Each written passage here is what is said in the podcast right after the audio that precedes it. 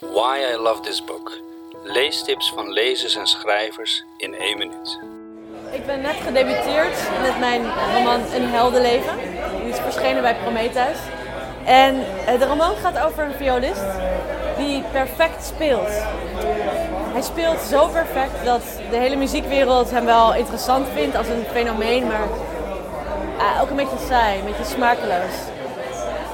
Heb dit gekozen als uitgangspunt voor mijn roman omdat ik me afvroeg waar gaat kunst nou eigenlijk over? Kunst gaat over kwaliteit, over perfectie. Maar als je echt die perfectie benadert, dan als je daar echt bent bij die perfectie, dan gaat er ook iets verloren.